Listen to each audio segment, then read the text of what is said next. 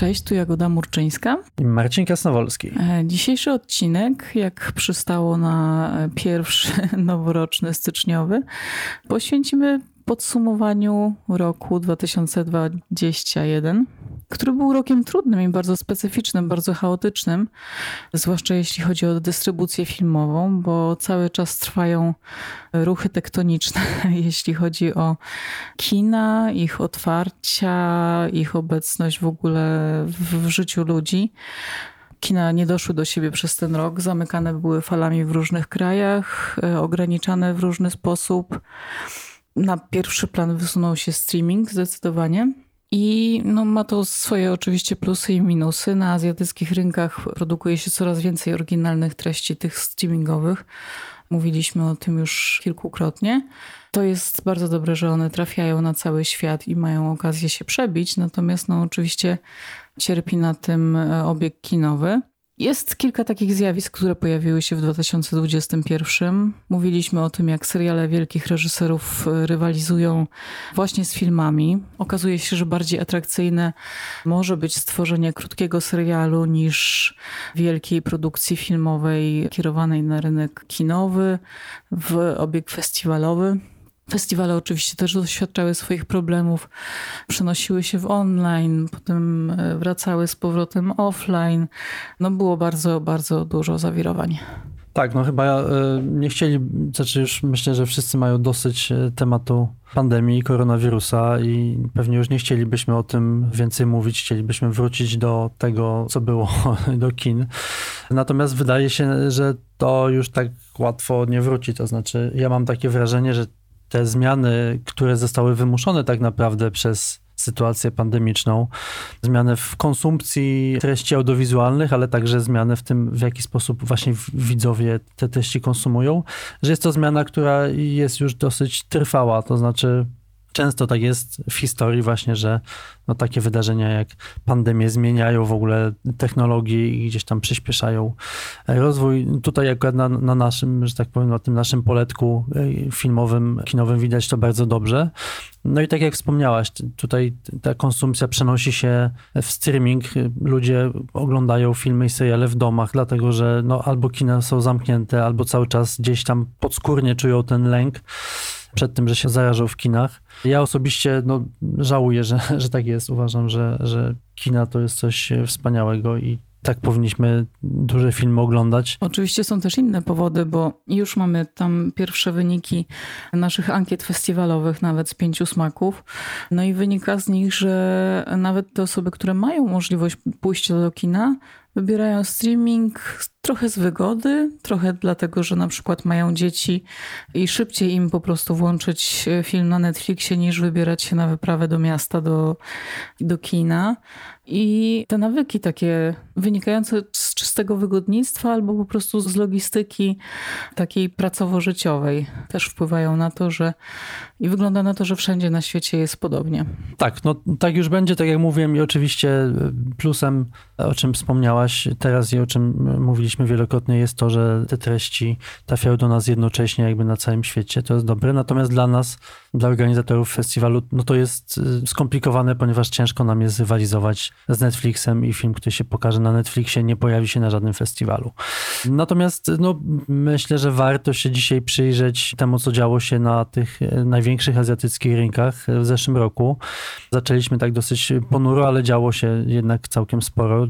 Te azjatyckie rynki filmowe są coraz ważniejsze globalnie, więc e, o tym pomówmy i zacznijmy może od Korei Południowej, która jest takim naszym jednym z ulubionych rynków, także nasi widzowie y, lubią filmy z Korei Południowej.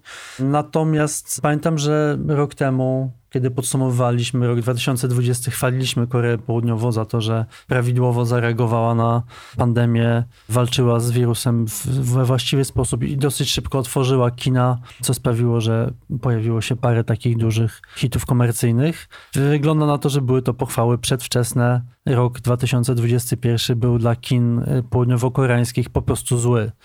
To znaczy, ludzie nie chodzili jakoś bardzo do kin mimo że oczywiście te, te liczba przypadków zachorowań była znacznie niższa niż w Europie, to jednak ten lęk tam był widoczny.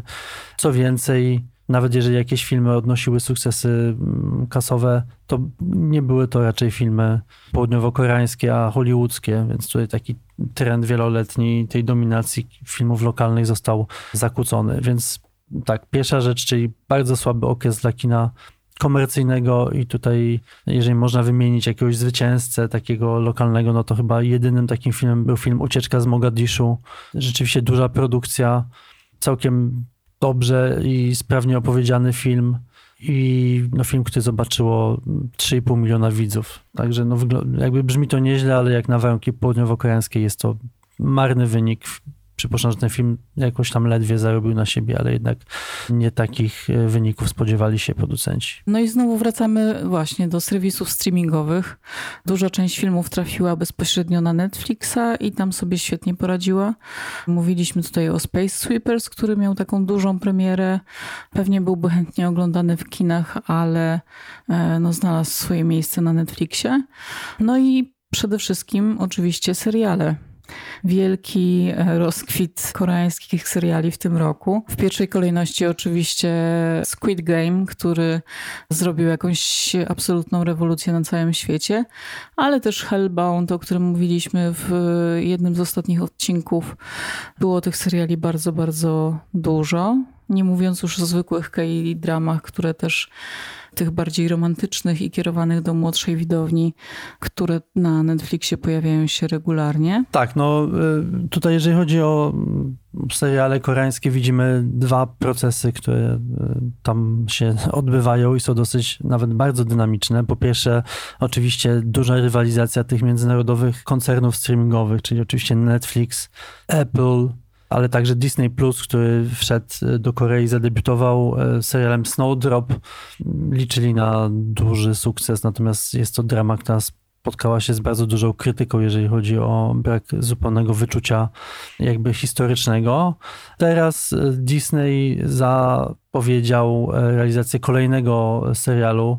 Będzie to drama o tytule Casino. Co ciekawe, występować tam będzie Choi Min-sik, czyli jedna z największych postaci nowego kina koreańskiego. Ale oprócz tego, tym drugim procesem jest oczywiście produkcja e, dram lokalnie. I są to dramy, które rzeczywiście, no, po pierwsze, są realizowane coraz lepiej i no, odnoszą także coraz większe sukcesy międzynarodowo, bo one potem są wykupywane przez na przykład Netflixa. No i tutaj takie tytuły jak Vincenzo, The Penthouse, On the Verge of Insanity, na przykład wielki hit DP o wojsku. Ja polecam także na przykład dramę One Ordinary Day. Jest to o tyle e, ciekawy serial, że jest remake'iem produkcji BBC e, brytyjskiej Criminal Justice. Jest to, jest to serial o można powiedzieć, niedoskonałościach systemu sprawiedliwości. I wydaje mi się, że dlatego jest ciekawy, że e, no, jeżeli chodzi o tą wersję oryginalną brytyjską, jest to no, taki bardzo ponury dramat natomiast tutaj ta, ta konwencja koreańska jest nieco inna, ale cały czas jest to film, który no, jest dosyć e, taki mocny, także warto te seriale na pewno oglądać. Oczywiście trzeba pamiętać o tym, że kino komercyjne i seriale to jednak nie wszystko i był to całkiem niezły rok dla kina niezależnego bardzo dużo młodych filmowców, wiele młodych talentów i kobiet i mężczyzn, którzy biorą kamery i robią bardzo ciekawe filmy. Tak naprawdę moglibyśmy spokojnie zbudować z tych e, filmów kolejną sekcję Parasites, którą mieliśmy na festiwalu e, dwa lata temu.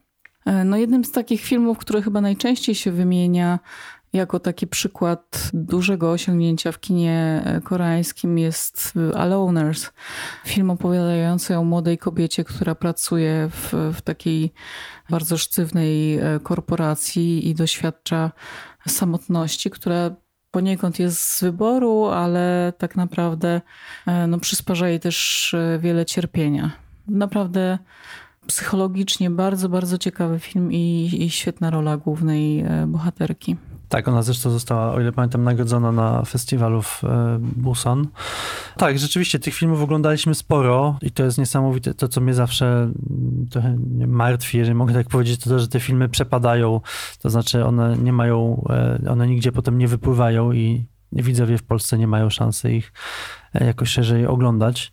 Tak, no i to, to wspomniałaś o tym, że, że moglibyśmy składać sekcję Parasite. Rzeczywiście tak jest, że, że tymi tematami, znaczy głównym tematem e, tych filmów jest, można powiedzieć, niedoskonałość Korei Południowej. To jest ciekawe, bo, bo ten kraj tak naprawdę nie jest oczywiście aż tak bardzo zły, jak to filmowcy pokazują, natomiast z jakiegoś powodu, to też jest ciekawe, oni się koncentrują właśnie na, na wadach rzeczywistości, w jakiej żyją, a nie na zaletach.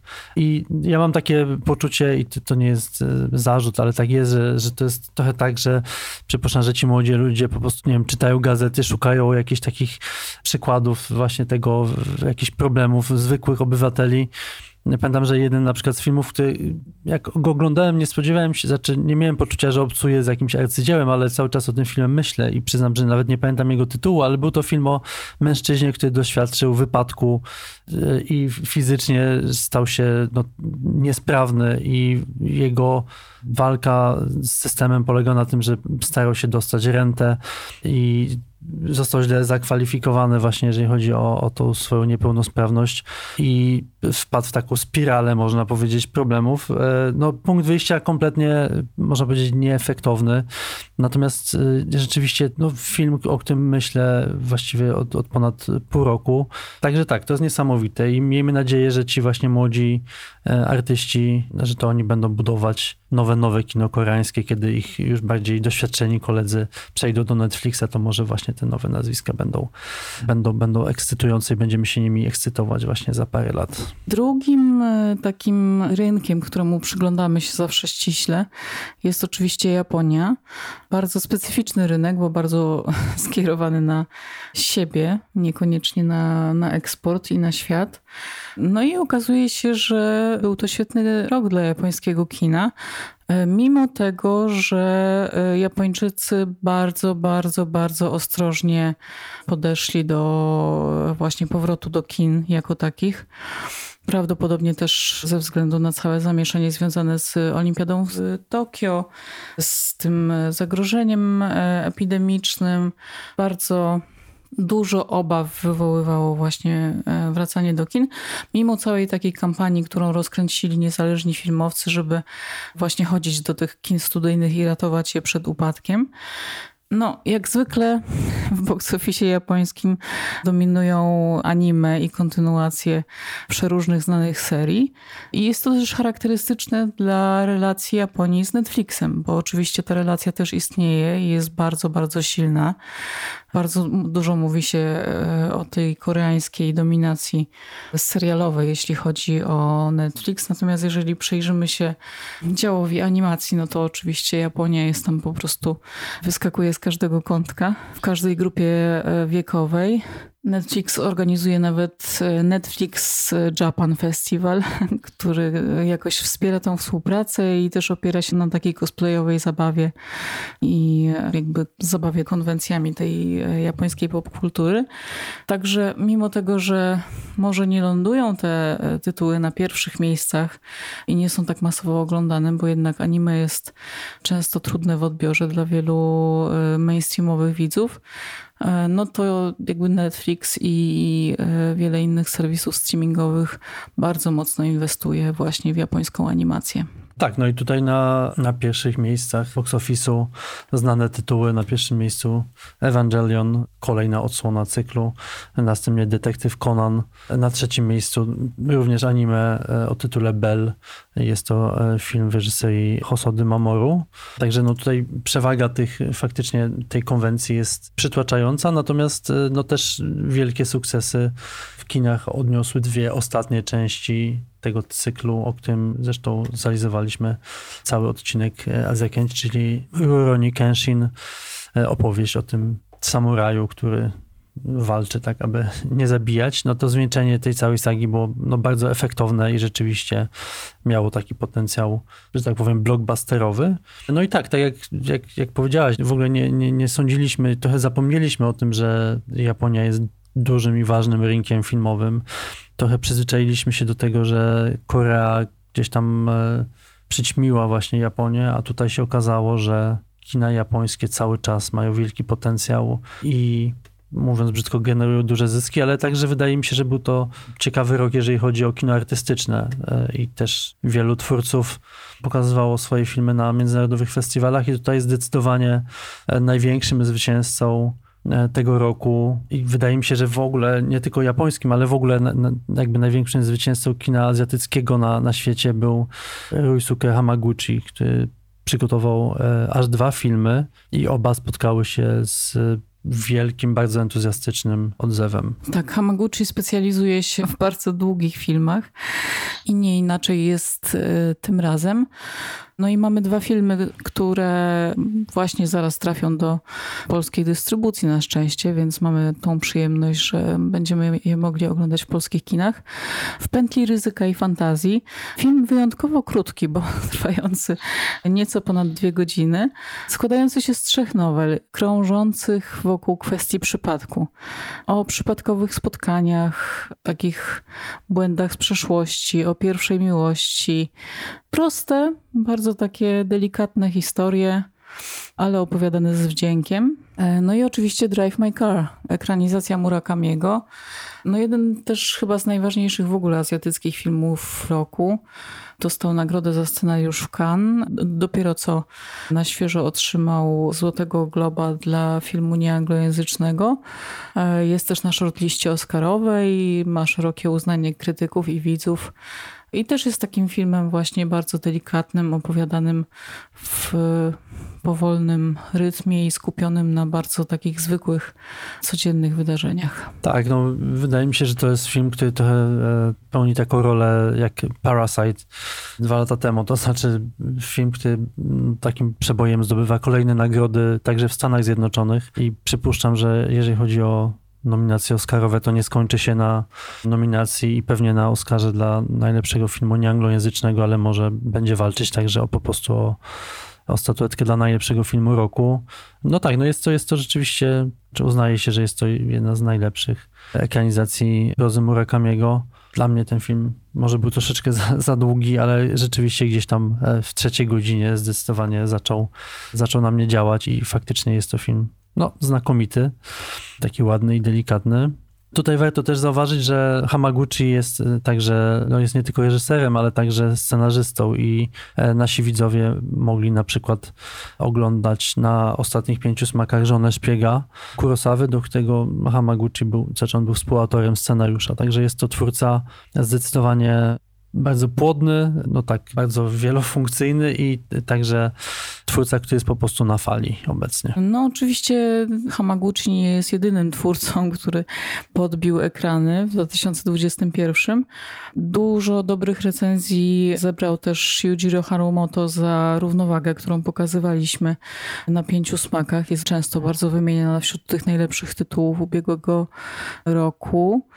No także Blue, który, czyli niebieski narożnik, który pokazywaliśmy także też e, gdzieś tam trafia do tych rankingów, ale mieliśmy za sobą dwa nowe filmy Siona Sono. Dużo też powstało takich popkulturowych, bardziej rozrywkowych e, tytułów.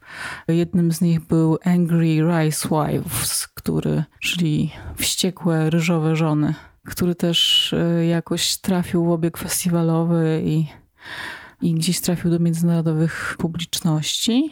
Tak, no myślę też, jeżeli chodzi o takie filmy czysto rozrywkowe, myślę, że warto też wspomnieć o Beyond the Infinite Two Minutes, bo jest to film. E, o tak, o tak. No tak. Ja miałem takie poczucie, że zrealizowany na fali wielkiego sukcesu One Cut of the Dead, e, film zrealizowany w jednym ujęciu iPhone'em o podróży w czasie. Taki film właściwie oparty na jednym pomyśle, dosyć prostym, ale efekt dosyć imponujący rzeczywiście. Taki film krótki, ale dający taki mocną dawkę rozrywki i zabawy. Tak, bardzo trudno wytłumaczyć, na czym polega jego koncept, bo tam jest tak, że są e, dwa pokoje, które są jakby w różnych przestrzeniach czasowych i bohaterowie cały czas między nimi biegają, e, co oczywiście daje pretekst do przeróżnych tam gagów i, e, i różnych dziwnych wydarzeń. Rozmawiają ze sobą nawzajem z przeszłości. Jest to bardzo skomplikowane technicznie, ale faktycznie imponujące I ja nie wiem, no taka incepcja tylko za bardzo znacznie mniejsze pieniądze. Dokładnie tak, ale dużo fanu i, i fajna zabawa, więc warto też temu twórcy się przyglądać. Tak jest. Przenieśmy się może teraz do krajów chińskojęzycznych bo oczywiście zawsze obserwujemy, co dzieje się w Hongkongu. E, no tam w tym roku było rzeczywiście bardzo ciężko, jeśli chodzi o kino, e, zwłaszcza niezależne. Bardzo mocne przycięcie praw do wypowiedzi. Bardzo dużo filmów po prostu musiało zniknąć, zwłaszcza tych dokumentalnych ale kino niezależne w, w Hongkongu wciąż działa, tylko kieruje kamerę bardziej w stronę różnych grup wykluczonych i marginalizowanych. To jest taki ciekawy, myślę, ciekawa tendencja, która trwa już tak naprawdę od paru lat i prawdopodobnie jest taką próbą trochę zwrócenia uwagi, jakby z jednej strony po prostu szerzenia świadomości społecznej, ale też opowiadania o sytuacji w Hongkongu w taki zawoalowany sposób. Tam, gdzie się pojawia właśnie kwestia wykluczenia, działania na granicy systemu, można odczytywać te filmy na różne sposoby. No tak, no, rzeczywiście w tym roku twórcy mieli o tyle no, jeszcze bardziej utrudnioną sytuację, że faktycznie ta cenzura cały czas tam się zacieśnia i już nie tylko, znaczy okazało się, że cenzorzy mogą także już cenzurować nawet filmy, które wcześniej zostały dopuszczone do produkcji i do realizacji, więc wszystko, co im się nie spodoba, zostanie uznane w jakiś sposób za zagrożenie dla bezpieczeństwa państwa, może być potraktowane jako terroryzm. Co ciekawe, wydaje mi się, że to już jest powoli, żegnamy się z takim lokalnym kinem, można być mocniejszym, które pokazuje gdzieś tam ciemną stronę społeczeństwa, jakąś, nie wiem, na przykład zorganizowaną przestępczość, że y, to kino gangsterskie, z tego właśnie Hongkong słynął, że oglądamy ostatnie już jego przejawy. Może nie, ale takie mam poczucie. Film Hand Roll Cigarette na przykład jest takim właśnie dosyć klasycznym hongkońskim filmem właśnie gangsterskim całkiem ciekawym. Tam też y, bardzo ważny jest motyw wielokulturowości Hongkongu. Dużo hałasu narobił film Limbo, taki bardzo, bardzo ponury, pesymistyczny kryminał. Przyznam, że dla mnie nie zrobił na mnie aż tak wielkiego wrażenia. Wydawało mi się, że jest tam za dużo takiej przemocy, która nie ma uzasadnienia, ale w, rzeczywiście jest to film zrealizowany w niezwykle takim efektownym i imponującym kluczu estetycznym, więc Limbo pojawiało się na, na wielu festiwalach e, na świecie. Oczywiście cały czas powstają takie wysokobudżetowe koprodukcje z Chinami. Są to filmy sensacyjne, natomiast w większości są one bardzo złe, e, napisane na kolanie, służące wyłącznie zarabianiu pieniędzy w Chinach. Jeżeli jakiś film się wyróżnia tutaj w tym gronie, no to Raging Fire. Był to film, który rzeczywiście spotkał się ze sporym uznaniem. Taki dosyć typowy kryminalny film policyjny, którego na pewno największą zaletą są bardzo sprawnie zrealizowane sceny e, akcji, no ale nie, nie jest to cały czas arcydzieło, które byśmy mogli zapamiętać albo na przykład pokazać na festiwalu. Tak, powstają też filmy, no i jednym z takich dużych wydarzeń był film, który miał swoją premierę pod koniec roku, e, film Anita, opowiadający o gwieździe Anicie Mój. I to jest też takie ciekawe, że, że Hongkong kieruje też kamerę na swoje własne legendy, na swoje własne gwiazdy. No to jest taka ty typowa opowieść o wielkiej diwie muzycznej. No i też w jakiś sposób opowiadający o tożsamości w ogóle Hongkongu, ale też kantońskiego popu, kantońskiej muzyki, która ma bardzo duże znaczenie dla kultury tego regionu. Tak, wydaje mi się, y, że Anita pojawi się na y, Netflixie. To rzeczywiście był spory hit kasowy w Hongkongu. Ten, ten, film nie spotkał się z jakimś wielkim uznaniem krytyków, ale rzeczywiście Anita mój wielkie nazwisko, nie tylko wokalistka, ale także wspaniała aktorka. Więc jeżeli ktoś lubi takie faktycznie filmy biograficzne, no to, to Anita będzie tutaj gratką. Popatrzmy teraz, co w naszych ulubionych Chinach. Nadal jest to największy rynek świata. Wyniki z Chin lepsze niż w zeszłym roku, co wynika też z tego, że Chiny bardzo rygorystycznie e, trzymają lockdowny. Jak tylko pojawią się jakiekolwiek przypadki koronawirusa, to bardzo sprawnie e, są w stanie zamknąć bardzo małe jednostki typu dzielnica czy e, budynek. Więc kina działają, ludzie chodzą do kin. No i pytanie, czy tak będzie nadal? Tak, bo, bo, bo ten, rzeczywiście ta polityka zero covid jest e, oczywiście, znaczy działa w Chinach i tych, tych przypadków tam jest bardzo niewiele, natomiast faktycznie jest tak, że jeżeli pojawi się 100 przypadków w jednym mieście kilkunastomilionowym, to to miasto jest zamykane i ludzie nie mogą wychodzić z domów. Jest to dosyć zdumiewająca taktyka i strategia i też się mówi o tym, że no jeżeli tak Chiny będą cały czas tak się tak zachowywać, to w przypadku tych nowych, bardziej zaraźliwych odmian wirusa, no, światowa gospodarka znowu stanie, dlatego że chińskie fabryki przestaną działać. Także to, to jest. I przypuszczam, że kina też będą musiały być zamknięte, ale rzeczywiście ten rok 2021 po raz kolejny pokazał, że Chiny są bardzo silnym rynkiem i że nie potrzebują w ogóle też filmów z zewnątrz tak naprawdę, żeby być największym rynkiem kinowym na, na świecie. I tutaj. Yy, wśród tych przebojów, największych przebojów kinowych, oczywiście na miejscu pierwszym e, Battle at Lake e, Changjin, czyli ten wielki blockbuster, taki wo wojenny, wyreżyserowany przez trzech wielkich mistrzów kina chińskiego. Kolejna rewizja wojny koreańskiej, opowieść o tym, jak dzielni chińscy żołnierze walczą z armią amerykańską. Jest to film, który przekłamuje dosyć historię, ale no był to film, który był obowiązkowym seansem dla, dla Chińczyków. Wiele zakładów pracy na przykład szło na ten film. Wszyscy, wszyscy musieli go obejrzeć i to się przełożyło zdecydowanie na, na wynik kasowy. No, o ile się nie mylę, jest to w ogóle obecnie najbardziej kasowy film w historii e, chińskich kin. Także tutaj widać, że Chińczycy no, piszą tą swoją historię, budują jakby taką nacjonalistyczną tożsamość narodową. O tym też już wspominaliśmy wielokrotnie i będą do tego celu wykorzystywać kino. W związku z tym oczywiście będą także e, wycinać wszystkie inne narracje. Prawdopodobnie będą pokazywać, nawet nieprawdopodobnie, będą po prostu pokazywać mniej filmów zagranicznych, a stawiać na rodzime produkcje. Tak, kino oczywiście musi być e, podporządkowane celom politycznym, jak e, no, wszystkie inne dziedziny życia, które partia próbuje bardzo ściśle kontrolować.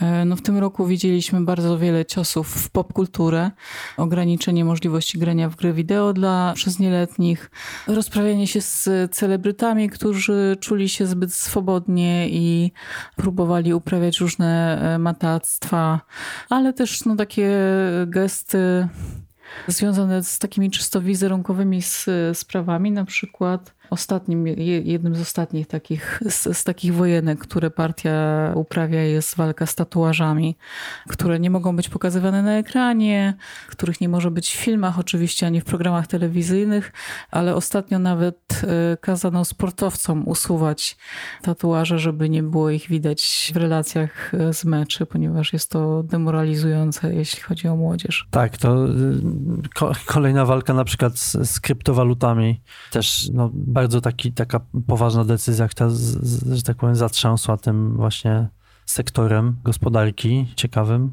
Więc no, widzimy, że, że Chiny mają swój pomysł e, na swoją przyszłość i nie jest to pomysł, który będzie sprzyjał artystom.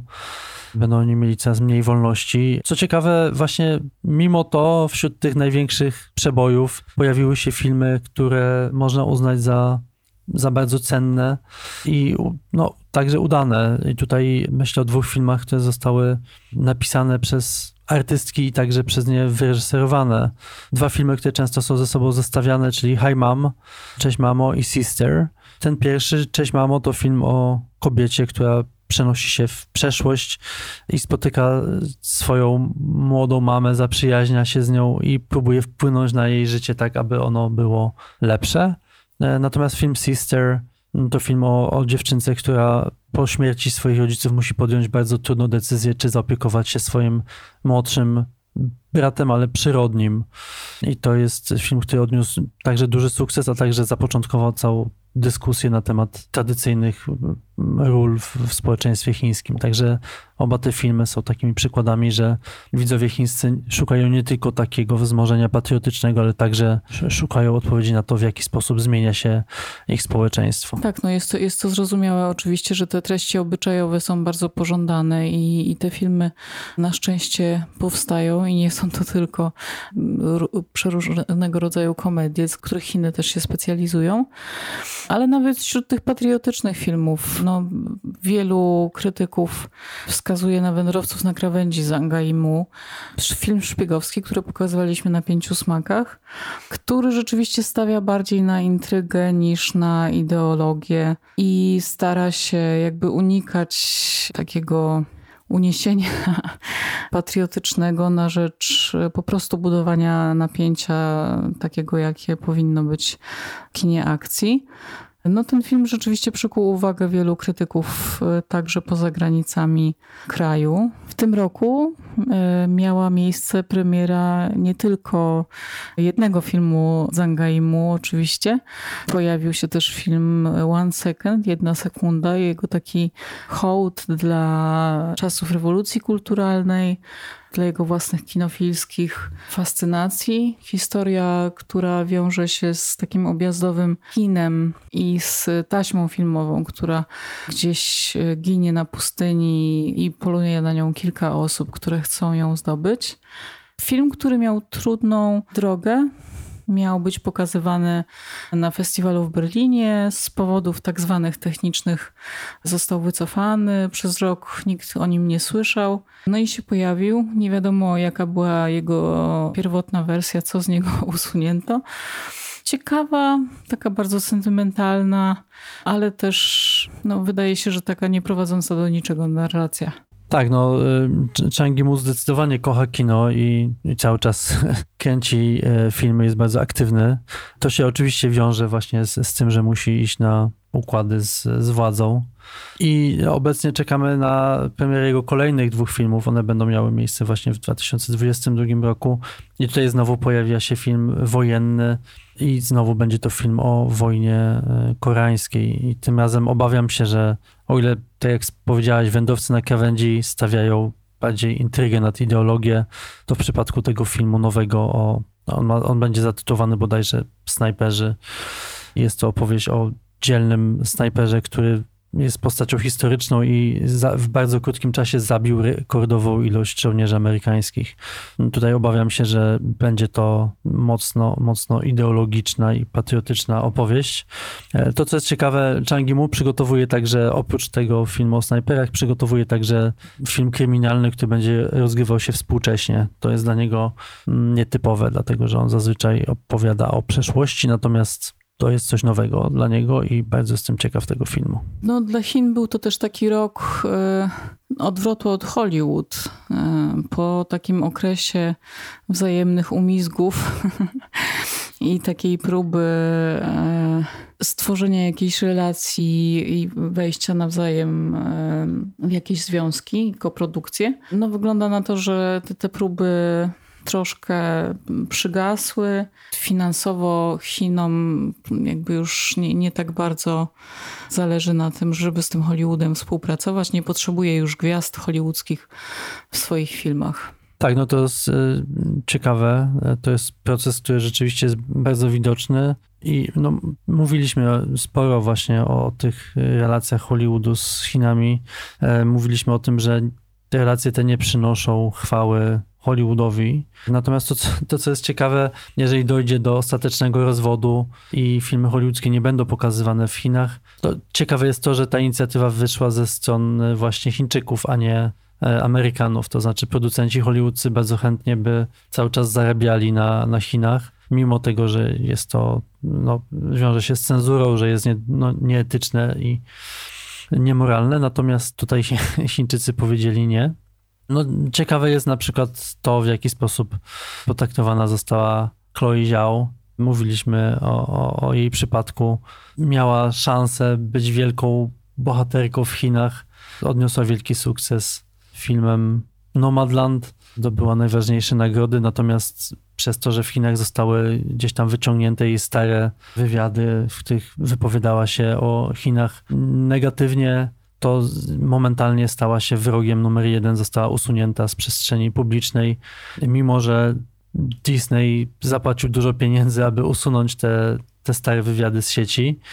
I no, kolejny jej film, czyli The Eternals, film, który Chloe Zhao zrealizowała w e, stajni Marvela, miał być wielkim przebojem w Chinach, ale nawet tam się nie pojawił, więc e, no, po raz kolejny widać tutaj, że Chińczycy, no, dla, dla nich najważniejsza jest ideologia, a pieniądze mm, schodzą na, dalszą, na dalszy plan. Przypuszczam, że także dla, dla Disneya cała ta sytuacja z nią była jakąś katastrofą wizerunkową. To wszystko miało być zupełnie, miało pójść zupełnie innymi torami, natomiast obecnie ona, ona nie ma, jakby jest personą non grata zupełnie w, w Pekinie. Nikt się tego raczej nie spodziewał na początku roku. Dla nas oczywiście najważniejsze jest kino niezależne chińskie i tutaj podobnie jak filmowcy hongkońscy, filmowcy na kontynencie także zmagają się z coraz e, większą cenzurą. Oczywiście jest to, jest to problem, nie mają już takiej wolności twórczej, jak nawet parę lat temu. Ta pula tematów się gdzieś tam zacieśnia niestety. Cały czas jednak powstają tam bardzo dobre filmy. Oczywiście twórców zdolnych jest tam bardzo, bardzo dużo. Tutaj warto zauważyć na przykład, że ostatnie Pięć Smaków wygrał właśnie film chiński Wiosenna Fala z 2019 roku. My go pokazywaliśmy dopiero teraz, ale Także no, z 2021 roku można wyłowić parę naprawdę bardzo ciekawych tytułów, e, takich jak na przykład Summer Blair czy Ripples of Life. Był to film pokazywany na festiwalu w e, Cannes. The Old Town Girls, taki film obyczajowo, można powiedzieć, kryminalny. Także no, miejmy nadzieję, że to, to światło sztuki tam nie zgaśnie zupełnie i będziemy jeszcze e, mogli się tymi filmami chińskimi cieszyć. Tak, miejmy taką nadzieję. Miejmy nadzieję, że 2022 będzie nieco spokojniejszy i, i pozwoli nam wrócić do kin na jakichś sensownych warunkach. A tymczasem dziękujemy za wysłuchanie tego odcinka i zapraszamy oczywiście na kolejne. Dziękujemy. Do usłyszenia. Do usłyszenia.